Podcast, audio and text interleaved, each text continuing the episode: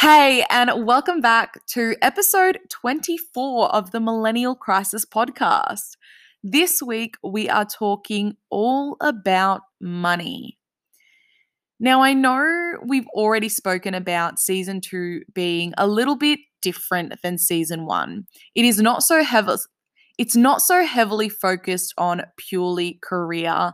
And that's because during season one, we realized, and in particular, I realized that there is more to life than just your career. And there are many other factors that contribute into you living a lifestyle you want to live.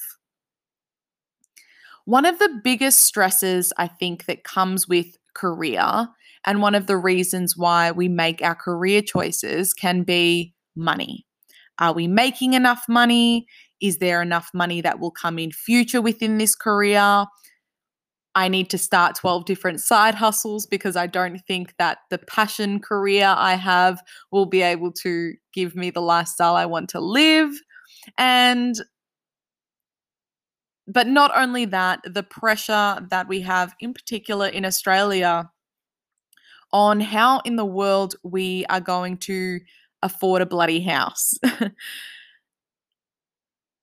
at least these are some of the stresses that, no, no, no, ignore that part. This episode was created for us to look at the big picture and to remember that there is not just one way that we can build wealth. We need to consider the lifestyles we want to live. And the big thing is, and to make sure that we consider the lifestyles we want to live and how much money we need to facilitate those dreams and the decisions that we need to make with our money currently on what we want to do with it in future mm. and making wise money decisions to make sure that we can live the lifestyles that we want to. As you know, if you listen to season 1, I quit my well paid, secure job to travel around the world. One of the biggest questions I used to get asked was, How the fuck did you afford that?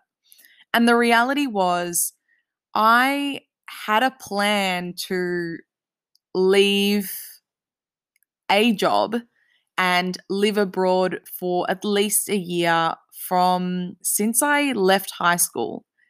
So all of the money.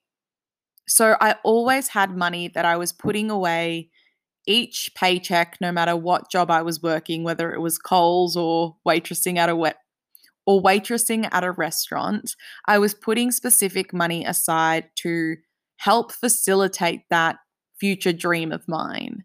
So that when the time came and I knew it was so, when the right time came for me to quit whatever work I was in and want to take that big trip I had always wanted to do, I was able to do that. Sometimes that was putting away $40 a month, sometimes it was putting away $300 a week. There was always that thought in my mind and a money goal that I had to be able to give myself the financial freedom in future to be able to do that.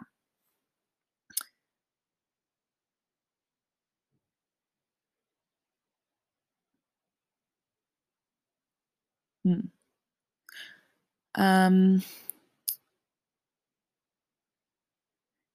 the reason I wanted to share that was because it's one of the things I want you to keep in mind in this episode. And we chat a lot about the future. And although we don't know what we want to do with our futures, it's always important for us to have a to have to have direction with our money and make sure that we are considering our plans for the future and that doesn't mean just saving to buy a house.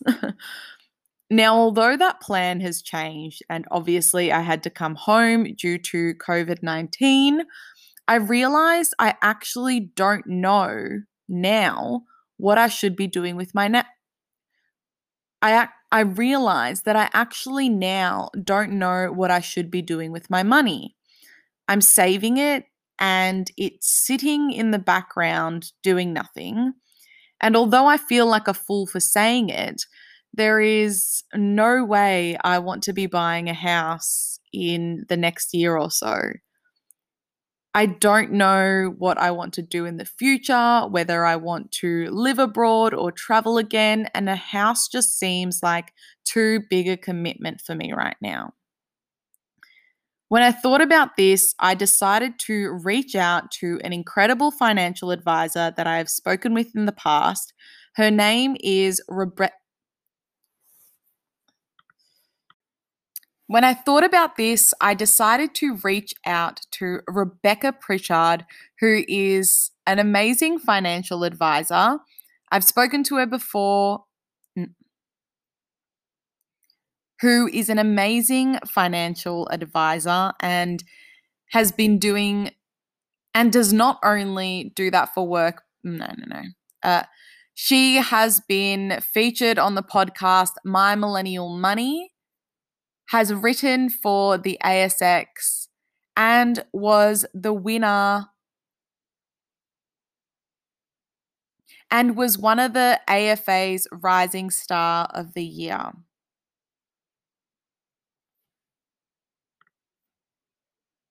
Yeah.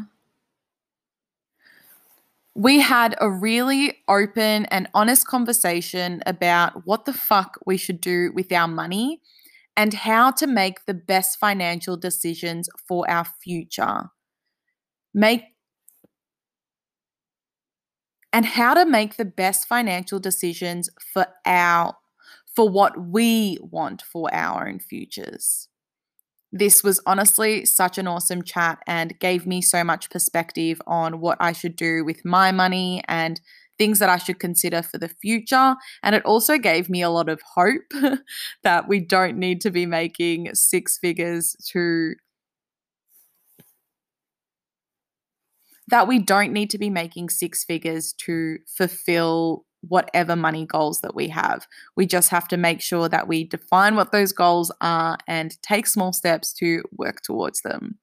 So, without any further ado, let's jump straight into my chat with Rebecca Pritchard.